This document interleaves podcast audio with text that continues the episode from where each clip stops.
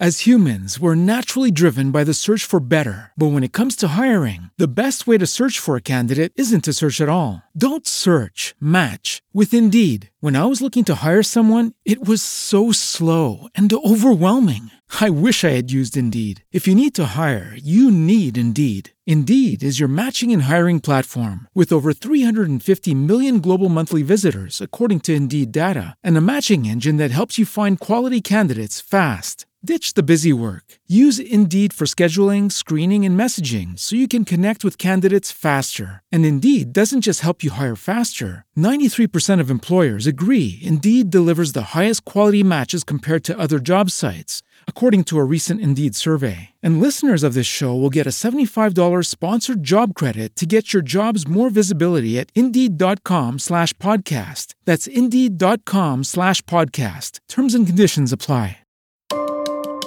Drogowskazy. Czas na drogowskazy na antenie Eski Rock. Przy mikrofonie Aleksandra Galant. Bardzo cieszę się, że się słyszymy. No i można powiedzieć, że dzisiejszą rozmowę zacznę trochę od kartki z kinematograficznej historii. Jedni powiedzą, że to jest jasna karta, inni wręcz odwrotnie, że bardzo ciemna. No ale w tym roku mija 50 lat od premiery filmu Ostatnie tango w Paryżu. To jest film francusko-włoski w reżyserii Bernardo Bertolucciego. Film zapewne o licznych e, wartościach i walorach artystycznych, ale niestety film, który przeszedł do historii bardzo brutalnym potraktowaniem potraktowaniem aktorki, która wcielała się w główną rolę, Marii Schneider, która zresztą powiedziała, że udział w tym filmie był dla niej traumą, a osoby, które spotkała na planie, szczególnie partnerujący jej Marlon Brando i reżyser, są potworami, którzy ją skrzywdzili. Minęło 50 lat. O tym, co dzieje się na planach filmowych w kwestii scen intymnych, mówi się coraz więcej. Tu chyba wystarczy przytoczyć chociażby serial HBO Ród Smoka, w którym w jednym z odcinków, powiedzmy, zaawansowany wiekowo król konsumował małżeństwo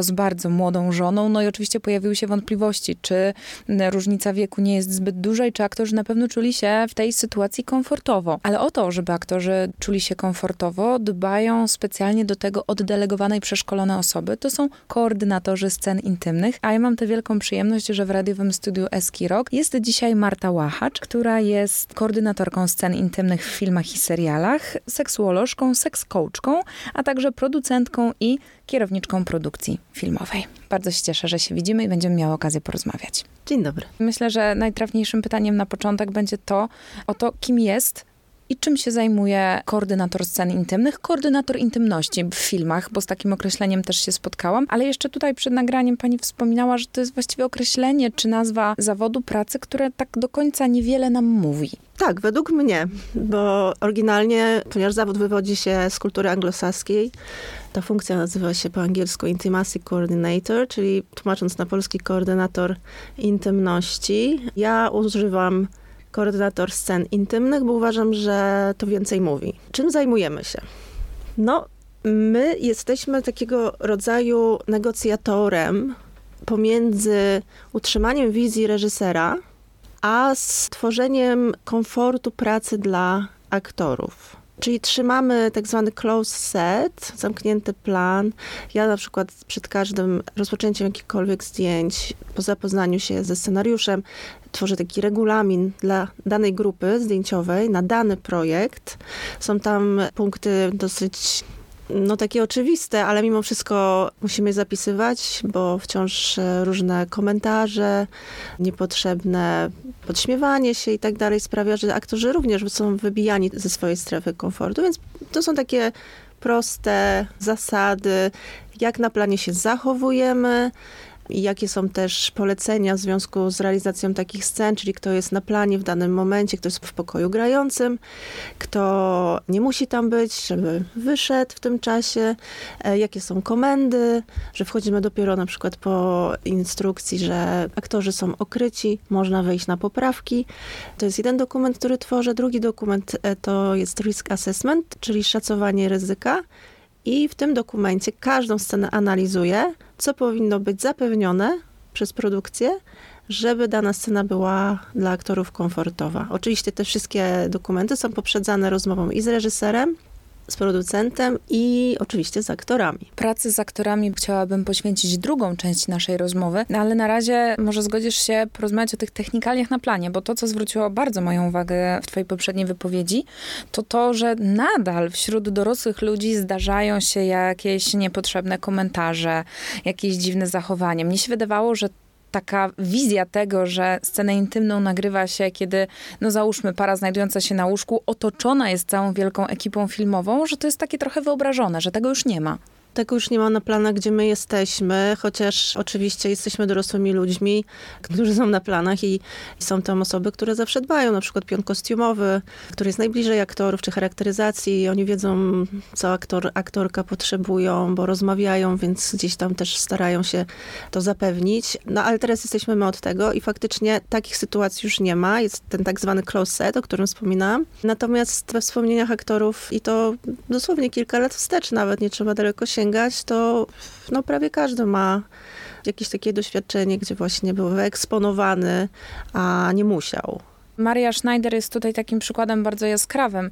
Natomiast mam takie wrażenie, że scena intymna w filmie, serialu, czy nawet w teatrze, która jest zorganizowana w sposób dla aktora niekomfortowy, może wywrzeć na niego bardzo duży wpływ i w dalszej jego karierze aktorskiej, ale też w ogóle jak na człowieku. No, wystarczy pomyśleć o każdym z nas. Potwierdzam, dlatego mówię, że, że duża część z aktorów, z którymi do tej pory, aktorów, aktorek, z którymi do tej pory pracowałam, no, mają jakieś mniejsze lub większe niemiłe wspomnienia z realizacji scen, ale może powiedzmy też, czym tak naprawdę są sceny intymne, bo scena intymna bardzo łatwo kojarzy się, że to są sceny seksu, symulowanego oczywiście w filmach czy w teatrze wspomnianym, ale nie tylko.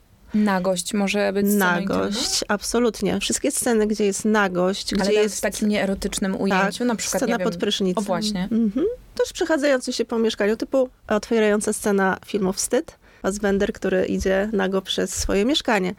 Każda scena, gdzie jest nagość, gdzie jest dotyk, taki bardziej intencjonalny, całowanie się, wszystko, co sprawia, że aktorzy muszą ze sobą wejść w jakąś interakcję dotykową. Sceny symulowanego seksu oczywiście, ale na przykład sceną intymną może być również scena porodu, scena karmienia piersią, a nawet scena samobójstwa. Czyli musimy popatrzeć na intymność jako, podam przykład, jak idziemy pod prysznic, no to nie chcemy, żeby tam stało 50 osób i się na nas patrzyło, prawda? Co mówimy takim osobom? Hej, potrzebuję trochę intymności, wyjdźcie stąd. I na tym przykładzie właśnie chciałam pokazać, że chodzi o jakąś taką przestrzeń, gdzie aktor może jakąś ciężką dla niego, niekomfortową sytuację, scenę zagrać, no w takich warunkach, na które się umówimy, o które on będzie znał. Scena jest omówiona, przegadana, przepróbowana i on po prostu już wie dokładnie, co się będzie działo. My się ustawiamy tak, jak się umówiliśmy, są tylko ci, co muszą być. Gramy scenę. Czy w takim razie decyzja o tym, co jest sceną intymną, należy do aktora? Na początku, jak ja dostaję scenariusz, to ja oznaczam, które sceny ja widzę jako intymne. I, I te sceny są, które ja oznaczam, no raczej ja walczę o to, że uważam, że to są sceny, na których ja powinnam być. Natomiast czasem zdarza się, że któraś ze scen, która w ogóle nie ma nic wspólnego właśnie z tymi rzeczami wymienionymi, dla aktora będzie sprawiała trudność i on by chciał, żebym ja tam była i zapewniła mu te same warunki jak przy scenach intymnych. Więc czasem to się poszerza o coś. Mówiłaś, że trafia do ciebie scenariusz, że ty się ze scenariuszem zapoznajesz, czytasz i czy ty masz taką moc sprawczą, żeby negocjować i z producentem, ze scenarzystą i z reżyserem i zwracać uwagę, że na przykład scena, nie wiem, została zaprojektowana, nakreślona w taki sposób, który twoim zdaniem może przekraczać czyjeś granice. Ja tu nawiązuję, nie wiem, chociażby do filmów Gaspara Noé albo do takich filmów, w których pojawiają się sceny takie bardzo naturalistycznie odegrane, no ale też takie około przemocowe już, no nazwijmy rzeczy po imieniu. To może po kolei, jeśli chodzi o proces. Najpierw zacznijmy od castingu. Teraz powstały takie zalecenia wypracowane z gildią scenarzystów, producentów, reżyserów castingu, związkiem aktorskim i tak które między innymi określają też, co się ma dziać na castingu. Jeżeli aktor przychodzi na casting, to on musi wiedzieć, na jaki casting przychodzi, czyli czyta ten scenariusz i widzi te sceny. Ale my staramy się, mam nadzieję, że to już zaraz już będzie wprowadzone, że będzie tak zwany nudity rider, jeszcze nie mam polskiej nazwy na to, to będzie dokument, który będzie określał, jaka nagość jest wymagana. Wtedy aktor już na dzień dobry może sam sobie odpowiedzieć, czy ja chcę wziąć udział w tym castingu.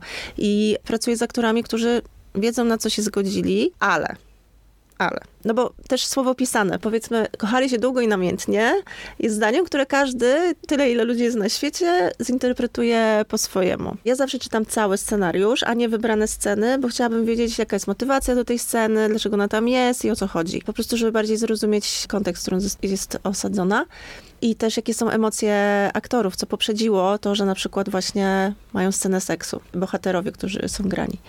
Więc ja omawiam to z reżyserem, on mi kreśli swoją wizję, bo to jest najważniejsze. On mi musi to opowiedzieć.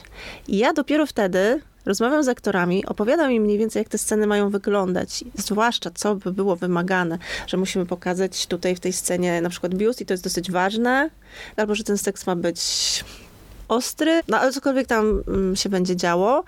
I wtedy dopiero mamy pierwsze zderzenie z osobą, która będzie tę scenę odgrywać. I to jest bardzo ważny etap i moment w procesie przygotowywania tych scen, bo aktor mi wtedy może powiedzieć, jak on się czuje z daną sceną, jaką będzie miał trudność. I moim zadaniem jest wrócić do reżysera, powiedzieć mu, gdzie są trudności i dać mu też może na początek jakieś rozwiązania, bo ja z aktorem mogę już ponegocjować. A gdyby, gdyby zrobić to tak i tak, czy to by było dla ciebie łatwiejsze? Tak no tak jak mówiłam na początku, jesteśmy takim negocjatorem między wizją, a tym, co aktor może od siebie dać. Tylko mówimy tu o aktorach, którzy czytali scenariusz, wygrali casting i wiedzą też, no, jakie sceny pisali. są, na co się pisali, ale to nie znaczy, że mają zrobić wszystko absolutnie.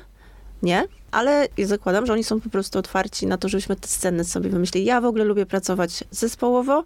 Dla mnie to jest cudowny moment i kolejny etap przygotowań, kiedy my możemy sobie w końcu usiąść, spotkać się twarzą w twarz i porozmawiać o tej scenie i coś sobie powymyślać, popróbować.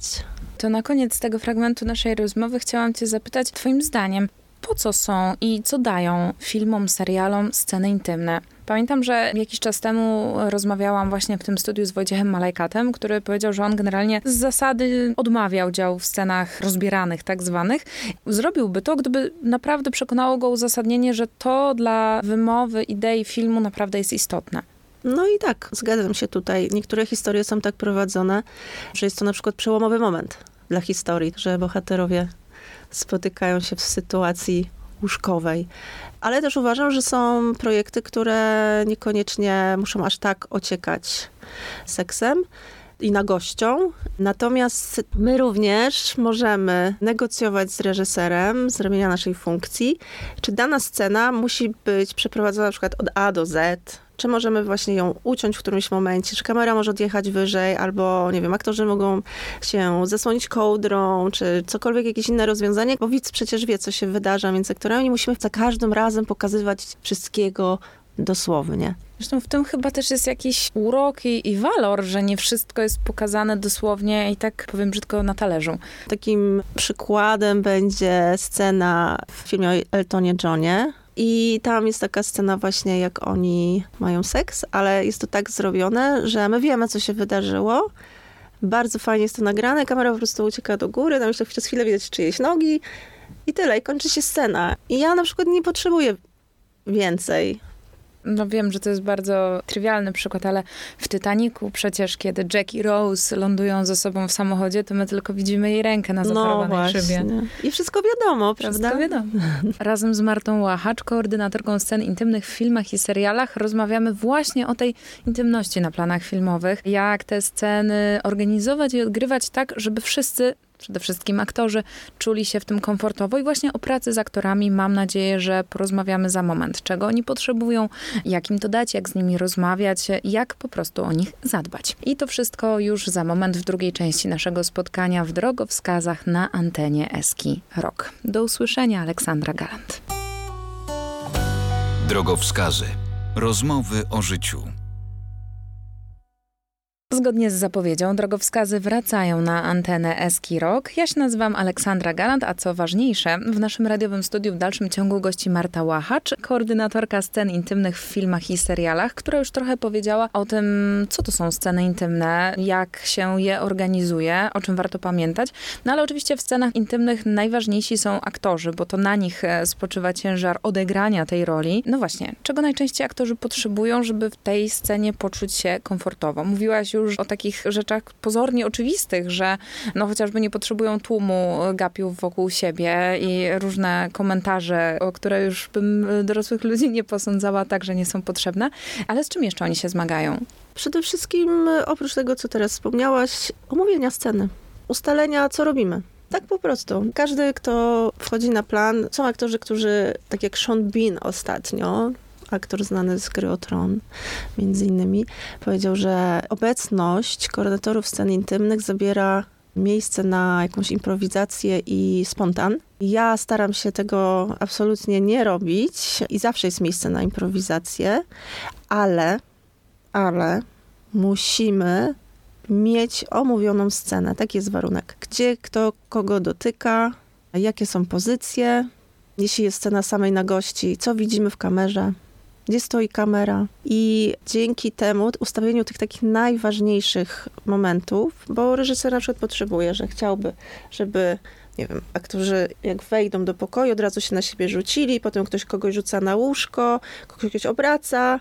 potem, nie wiem, spadają z tego łóżka. To chodzi o te rzeczy. Natomiast ja też nigdy nie wchodzę reżyserowi w jego buty i mówię tu o emocjach, jakie aktorzy mają jeszcze zagrać bo też są różne sceny, prawda? Są sceny gwałtu na przykład. My ustalamy taką choreografię. Jak przypomnę sobie różne filmy, w których takie sceny intymne się pojawiają, no to oczywiście ja wiem, że to jest odgrywane, że to się nie dzieje naprawdę. Natomiast to, co powiedziałaś, że aktorzy są umówieni, gdzie kto kogo dotknie, to jest tak zagrane, że tego nie widać. Ludzie wtedy są w jakimś takim emocjonalnym amoku i trudno w ogóle wziąć pod uwagę, że ktoś może mieć zaplanowane, jak będzie się ruszał. Są aktorzy, którzy tak chcą dokładnie wiedzieć. Większość jednak chce pozostawić sobie pole, no bo też chce poczuć swoją rolę. To nie jest tak, że, że to jest dokładnie tu 10 sekund trzymasz za policzek, potem przenosisz rękę na, na ramię i tak dalej. Chodzi o ustalenie takiej choreografii, przynajmniej głównych punktów, a potem tam wchodzą jeszcze emocje, nad którymi pracuje reżyser z aktorem. To jest tylko kwestia tego, że jeżeli na przykład aktor, aktorka zgłasza mi, że nie cierpi i nie da, po prostu nie ma opcji, żeby ktoś złapał ją za włosy i pociągnął ten jej partner musi o tym wiedzieć, my musimy wiedzieć o tym przygotowując scenę. Czyli tutaj już nawet spontanicznie ten aktor tego nie zrobi swojej partnerce filmowej. To o takie rzeczy chodzi, gdzie mniej więcej się dotykamy. A rozumiem, że jeżeli reżyser powie, że w jego wizji to pociągnięcie za włosy jest absolutnie konieczne, to wtedy ty zaczynasz swoją rolę negocjacyjną. Tak, tak, tak. Wydaje mi się, że jednym z najczęściej pojawiających się pytań to jest, czy oni się całują naprawdę? Mam wrażenie, że wiele osób wytęża wzrok, próbując się domyślić, czy to jest udawane. W tych starych filmach to widać, że to jest udawane, powiem tak, ale w tych najnowszych to można mieć już wątpliwości. Są na to metody aktorskie. Ja zawsze rozmawiam z aktorami o pocałunkach, bo też reżyser zawsze mówi, no chciałbym, żeby te języki jednak się splotły i my to mamy bardzo omówione.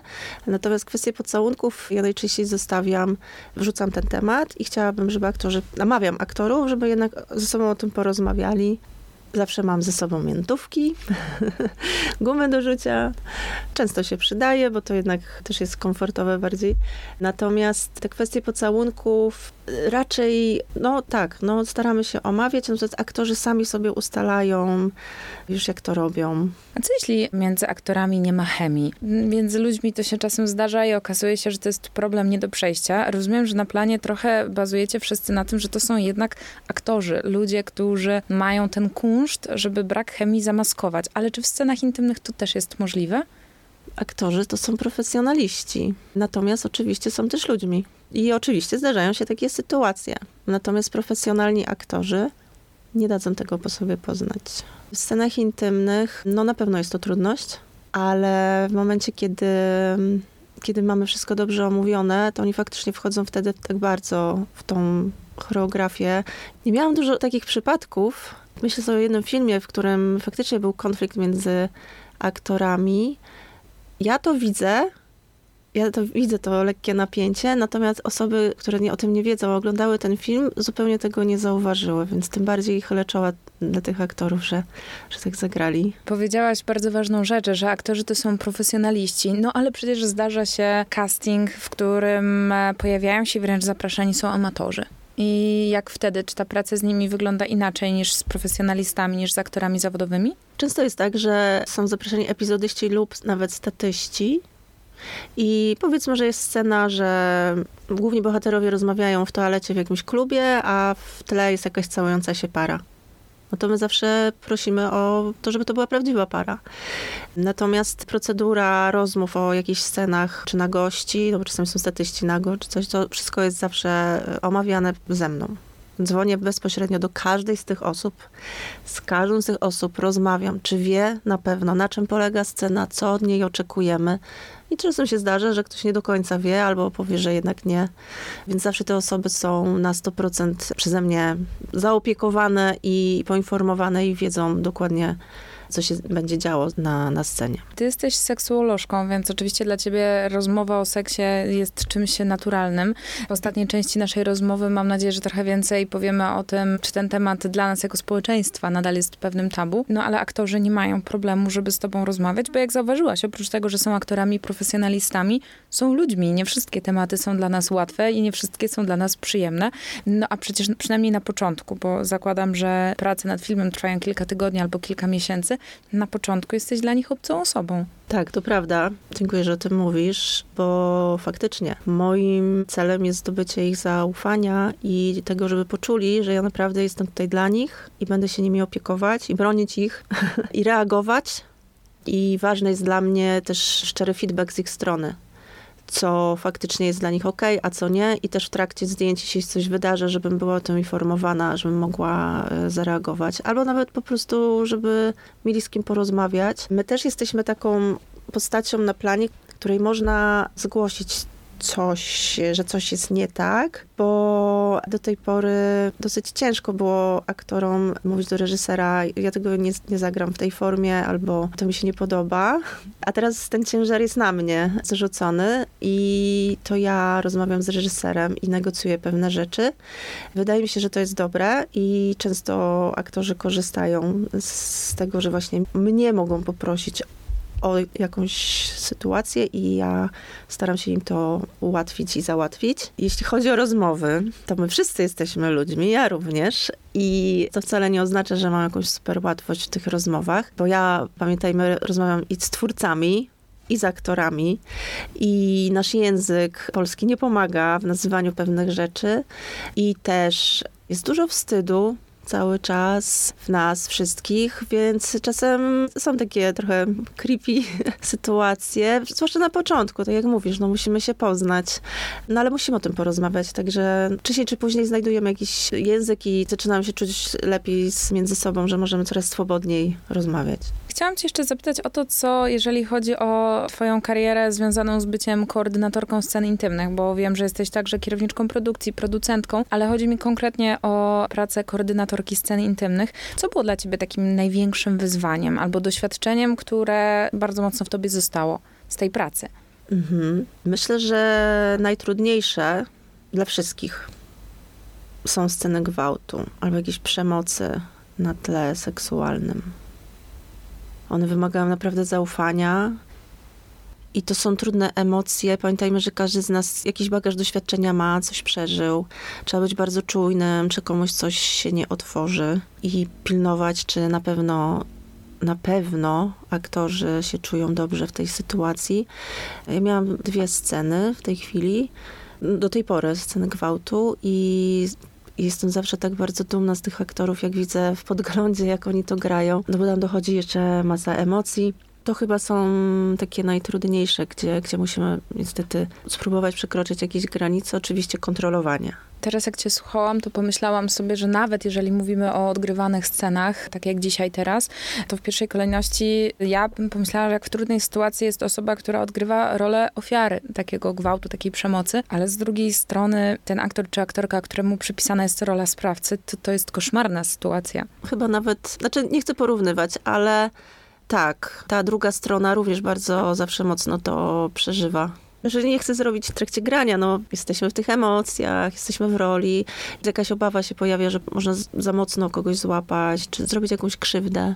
Taki trochę poważny i, i, dosyć przygnębiający mamy koniec tej części naszej rozmowy, ale z drugiej strony ja sobie myślę, że bardzo ważne jest to, że aktorzy, przed którymi stają takie zadania, o których przed chwilą opowiadałaś, mają opiekę, mają kogoś, kto przy nich jest i kto dba nie tylko o to, żeby całość miała dużą wartość artystyczną, ale żeby była dla nich bezpieczna i w miarę możliwości komfortowa. Jeśli mogę jeszcze tylko dodać jedną rzecz, że to są dla mnie najtrudniejsze, bo wiążą się z dużymi emocjami, również dla mnie, ale największym wyzwaniem myślę, że są dla mnie sceny homoseksualne między dwoma mężczyznami, bo tak zadebiutowałam filmem Hyacynt. Kiedy weszłam pierwszy raz na plan w tej nowej funkcji, robiliśmy scenę orgii homoseksualnej w latach 70.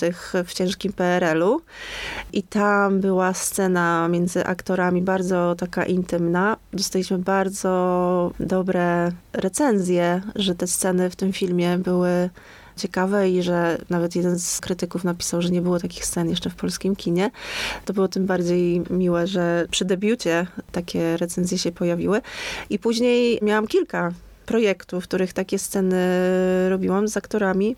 I myślę, że to jest wyzwanie też dla wszystkich zaangażowanych. To chyba była dodatkowa i radość, i satysfakcja, że oprócz tego, że te sceny, tak jak powiedziałaś, w opinii krytyków takich scen jeszcze nie było, to ty dodatkowo masz świadomość i pewność, że osoby, które w tych scenach brały udział, czuły się okej, okay, że miały zapewnione wszystko to, czego potrzebowały. Tak, tak. I pracowałam później z jednym z tych aktorów w kolejnym projekcie, gdzie miał podobną sytuację, scenę do zagrania i, i już mieliśmy też zupełnie inne pole, bo już się poznaliśmy i też nad taką sceną bardzo dobrze nam się pracowało, ale podkreślam, to nie jest tylko moja zasługa, to jest zasługa aktorów, to jest zasługa reżysera, my pracujemy w zespole, ja zawsze podkreślam, bo ja bardzo lubię pracę zespołową. I to jest chyba tym razem dobre miejsce, żeby zakończyć tę część naszej rozmowy. Zwłaszcza, że to jest taka fajna klamra do tego wszystkiego, co mówiłaś o pracy na planie. Bo jeżeli się zgodzisz, na zakończenie naszej rozmowy chciałabym trochę porozmawiać o twojej pracy jako seksuolożki. No porozmawiamy o tym, że zajmowanie się scenami intymnymi, intymnością, seksualnością bywa trudne dla aktorów. To chyba jeszcze trudniejsze nawet mówienie jest dla nas jako ludzi, jako społeczeństwa, że ten temat i te zagadnienia mamy jeszcze nie do końca oswojone. Waszym i moim gościem jest dzisiaj Marta Łachacz, koordynatorka scen intymnych w filmach i serialach. A drogowskazy, jak to drogowskazy, wrócą na naszą antenę już za kilka minut. Do usłyszenia, Aleksandra Galant. Drogowskazy. Rozmowy o życiu. Wracamy do rozmowy w drogowskazach na antenie Eski Rock, a dokładnie do trzeciej odsłony tej rozmowy. Ja się nazywam Aleksandra Galant i po raz trzeci mam wielką przyjemność powitać w naszym radiowym studiu Martę Łachacz, koordynatorkę scen intymnych w filmach i serialach, a także seks coachkę. To jest e, bardzo ciekawe, bo rozmawiałyśmy o tym, jak pracujesz na planie filmowym e, w związku ze scenami intymnymi, no ale też jakoś wspólnie stwierdziłyśmy, że ten temat nie jest łatwy dla nas jako społeczeństwa w ogóle, że najchętniej to, żeby nie było słychać, nie było widać, żeby o tym nie mówić. No tak, tak jest. Jest to cały czas temat trudny, ale widzę, że Polacy, zwłaszcza w dużych miastach, przekonują się coraz bardziej. Kiedyś wstydem było chodzić do psychologa, potem do seksuologa, a teraz już nie. Teraz już jest y, dużo osób, które chciałyby lepiej zrozumieć swoją seksualność. Są pary, które chcą pracować nad swoim życiem erotycznym i coraz więcej osób jest zainteresowanych związkami monogamicznymi i my jesteśmy właśnie też od tego, żeby pomóc i też jest dużo osób, które chciałyby coś urozmaicić, ale nie wiedzą za bardzo, jak się za to zabrać, albo nie do końca rozumieją, na czym to polega i chciałby zostać więcej rzetelnej wiedzy. No i my też ich podprowadzamy wtedy w tym kierunku, czy oni faktycznie tego chcą, czy może ktoś ich namawia do tego, a jeśli nie, to, to jak na przykład zacząć przygodę z BDSM-em. Z czym można się zgłosić do seks coacha czy seks coachki? Bo wydaje mi się, że sięganie po taką pomoc, po takie wsparcie jeszcze nie jest w nas intuicyjne. Seks coach nie ma pacjentów, ma klientów. Rozmawiamy tam o różnych trudnościach, ale na zasadzie coachingu, czyli my podprowadzamy dajemy jakieś wskazówki, ale to nasz klient sam musi dojść do swojego punktu, który określił sobie na początku, a ten punkt się oczywiście może też zmienić, bo może dużo rzeczy w tej drodze coachingowej do niego przyjść i może zmienić swój cel. Natomiast seksuolog ma pacjentów przede wszystkim. To są sytuacje związane na przykład z zaburzeniami erekcji, ból przy stosunku kobiet. Czyli tutaj w przypadku seks coachingu chodzi przede wszystkim o umiejętności. Tak, o taką wspólną drogę. Na przykład przychodzi para, która już dosyć rzadko spotyka się w łóżku, ale tęsknią za tym. Tylko życie codzienne, dzieci, praca odsunęła ich trochę od siebie, są zmęczeni po prostu, a chcieliby wrócić do tego, co było wcześniej, ale nie wiedzą, jak się za to zabrać. No i my wtedy sprawdzamy, gdzie się pojawiły jakieś trudności. Może pojawiły się w komunikacji na przykład. Albo jak zarządzać tym czasem, żeby jednak znaleźć dla siebie chociaż 30 minut na jakiś dotyk świadomy, miły, też niekoniecznie od razu erotyczny, ale wrócić, wrócić do tej e, swojej strefy, którą mieli na początku. To jest taki przykład seks coachingu. To jest nieprawdopodobne, jak to się gubi, prawda? Jak z tych romantycznych początków pełnych czułości, potem, tak jak mówisz, nie znajdujesz nawet chwili dla siebie. Tak, ale są też pary, które bardzo umiejętnie potrafią podtrzymywać ten żar. A czy potrafiłabyś powiedzieć, kim są ludzie, którzy się do ciebie zgłaszają? Ja absolutnie nie mówię o personaliach, natomiast czy to są raczej ludzie młodzi? Czy to są ludzie w średnim wieku? Czy potrafiłabyś jakoś taki wskazać osoby, które z jednej strony borykają się z problemami, ale z drugiej strony proszą o pomoc i chcą to rozwiązywać? To trudno określić. To wiekowo są ludzie od 18 do do 60 plus nawet. Dlatego, że coraz częściej widzę, że już media to podchwycają, że ten seks nie kończy się po przekroczeniu czterdziestki ani pięćdziesiątki, tylko seksem można cieszyć się dużo dłużej. Więc trudno tak określić. To są naprawdę przeróżne osoby, każdy przychodzi z czymś innym. Dla mnie to też jest wspaniała przygoda, bo ja się bardzo też dużo od nich uczę od tych moich klientów. A odchodząc już może trochę bezpośrednio od twojej praktyki, to jest pytanie, które pewnie zadają sobie seksuolodzy i seks coachowie w całym kraju. Czy ty masz pomysł, co by się musiało zmienić, co by się musiało stać i czy to jest po prostu jakieś jednostkowe doświadczenie, czy może społeczna zmiana, żeby ten seks przestał nas tak odstraszać, żeby to nie było już coś zawstydzającego? Nie wiem, czy nie powiem czegoś kontrowersyjnego teraz, ale uważam, że największym wrogiem naszej seksualności jest y, Kościół. Wychowanie w tej wierze, gdzie ciało jest zawstydzane, gdzie seks bez prokreacji jest grzechem. I my wzrastając w takich przekonaniach, do tego różne stereotypy y, ze szkoły, z podwórka wyniesione, plus brak edukacji seksualnej na pewno nic nie zmieni. Też mam takie wrażenie, że w Polsce nie było jeszcze rewolucji seksualnej w latach 70., kiedy została wydana ta książka Michaliny Wisłockiej, był jakiś taki moment, ale chyba system nie sprzyjał też, wydaje mi się. Natomiast później nagle weszła kultura zachodnia w, w 89, tak na ostro zarówno młodzież, ludzie, którzy byli wtedy w młodym wieku, ale też ich rodzice, e, nagle zostali zaatakowani po prostu z każdej strony nagimi biustami, teledyskami, MTV ociekające seksem i nagością, ale nikt jakoś chyba o tym z nikim nie porozmawiał. Wrażenie, że to po prostu tak przyjęliśmy. Więc nie było takiego przełomowego momentu, tak jak w Stanach, gdzie, gdzie mówi się o rewolucji seksualnej, Szukam tego teraz, jestem tym tematem bardzo zainteresowana, bo wydaje mi się, że nie było takiego momentu. Jestem ciekawa, co się mogłoby wydarzyć, co musiałoby się wydarzyć, żeby taka rewolucja tutaj do nas przyszła i co ona mogłaby nam dobrego przynieść. No na pewno mogłaby przynieść dużo dobrego. Ja się jeszcze tak zastanawiam nad tym momentem około transformacyjnym, o którym wspominałaś. I rzeczywiście mam wrażenie, że to był taki czas, kiedy ta nagość czy seksualność była sprowadzona do do wulgarności i do raczej czegoś trochę uprzedmiotawiającego, zwłaszcza kobiety. Ja tutaj powołam się na mój ulubiony, choć oczywiście mało chlubny przykład, czyli te kalendarze z nagimi paniami na motocyklach, które wisiały przede wszystkim w jakichś zakładach motoryzacyjnych. I, I, to była właśnie ta nagość. I to zostało na bardzo długo. Przecież do dzisiaj się gdzieś pojawiają przy drodze reklamy, nie wiem, firmy, która sprzedaje kostkę brukową albo blachodachówkę też z panią w bikini na tej dachówce siedzącą. Dokładnie. Dokładnie, ale ale zauważmy, że coraz więcej jest kobiet, które reżyserują filmy, co jest super trendem, i pojawiają się projekty, które pokazują nam kobiecy punkt widzenia, jeśli chodzi o męską nagość, nie pokazujący ich e, jako obiekt seksualny, jak to jest właśnie w większości filmów, czy takiej komercyjnej. W popkulturze tak, w popkulturze. Więc to też jest ciekawe, że to obserwować. Jest na przykład taki film, jeśli dobrze pamiętam, tytuł Matki z Robin Wright i Naomi Watts. i tam są dwaj piękni młodzi mężczyźni i kobieta to reżyserowała. Pamiętam, że to był, oglądałam to w kinie i pamiętam, że pierwszy raz spojrzałam na to, wow, w końcu, w końcu ktoś pokazuje ten seks, że ten mężczyzna jest w centrum a nie kobieta. I jeszcze jest tak ładnie pokazane, tak wyrafinowanie, a nie siermiężnie, bo to się cały czas dzieje. No. Że faktycznie jesteśmy, kobiety są tym takim obiektem. Nasza rozmowa powoli zbliża się do końca. Powiedziałaś o takiej zmianie, która dotyczy kobiecego punktu widzenia za kamery. Tak bym to, to powiedziała, chociaż za kamerą stoi operator, a nie reżyser, no ale wiadomo o co chodzi. I zastanawiam się, jakie jest postrzeganie ekip filmowych odnośnie właśnie koordynatorów scen intymnych. Czy proszenie o wsparcie, pomoc i opiekę to jest nadal coś egzotycznego i rzadkiego, czy właściwie staje się to normą? Mam nadzieję, że stanie się normą. Ja na brak pracy nie narzekam, ale e, nie wszyscy korzystają z naszych usług. Jest nas kilka osób tylko na tą chwilę.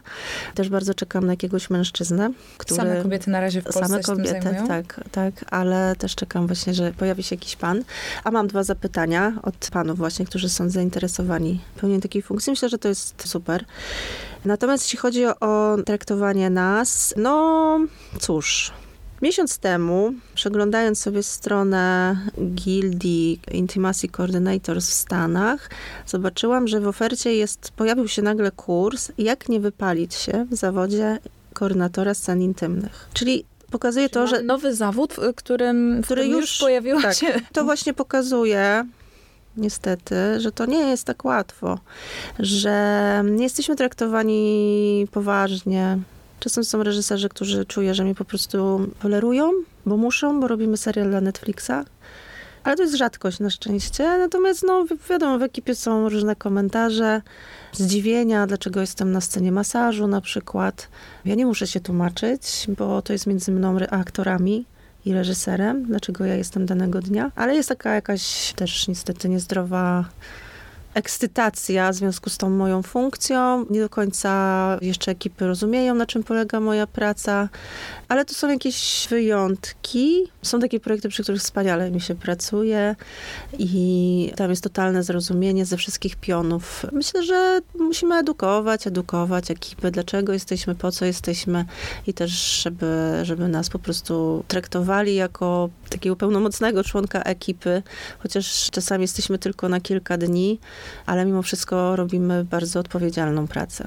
Mogę się tylko z tym zgodzić i bardzo Ci podziękować za to, że przyjęłaś zaproszenie do rozmowy i ja powiedziałaś dziękuję. o tym wszystkim, co w kwestii scen intymnych dzieje się na planach filmowych w Polsce i co ma szansę być może wkrótce się zmienić i rozwinąć. Bardzo Ci dziękuję. Dziękuję również. Waszym i moim gościem była dzisiaj Marta Łachacz, koordynatorka scen intymnych w filmach i serialach, seksuolożka i sekscoachka, kierowniczka produkcji filmowej i producentka. No, jak się domyślacie, to już jest wszystko na dzisiaj. Gdybyście chcieli wrócić do tej rozmowy, albo do którejś z poprzednich również warto, bo nasze archiwum jest już bardzo duże, to możecie to zrobić wchodząc na Spotify, na YouTube'a albo na www.skrock.pl. Do waszej dyspozycji niezmiennie są adresy mailowe drogowskazy małpa skrock a także mój agalantmałpa zpr.pl. I to już jest wszystko na dzisiaj. Bardzo Wam dziękuję za spotkanie i jak zwykle mam nadzieję, że słyszymy się już niedługo. Aleksandra Galant.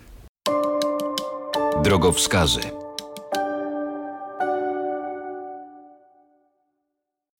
As humans, we're naturally driven by the search for better. But when it comes to hiring, the best way to search for a candidate isn't to search at all. Don't search, match with Indeed. When I was looking to hire someone, it was so slow and overwhelming. I wish I had used Indeed. If you need to hire, you need Indeed. Indeed is your matching and hiring platform with over 350 million global monthly visitors, according to Indeed data, and a matching engine that helps you find quality candidates fast. Ditch the busy work. Use Indeed for scheduling, screening, and messaging so you can connect with candidates faster. And Indeed doesn't just help you hire faster. 93% of employers agree Indeed delivers the highest quality matches compared to other job sites, according to a recent Indeed survey. And listeners of this show will get a $75 sponsored job credit to get your jobs more visibility at Indeed.com slash podcast. That's Indeed.com slash podcast. Terms and conditions apply.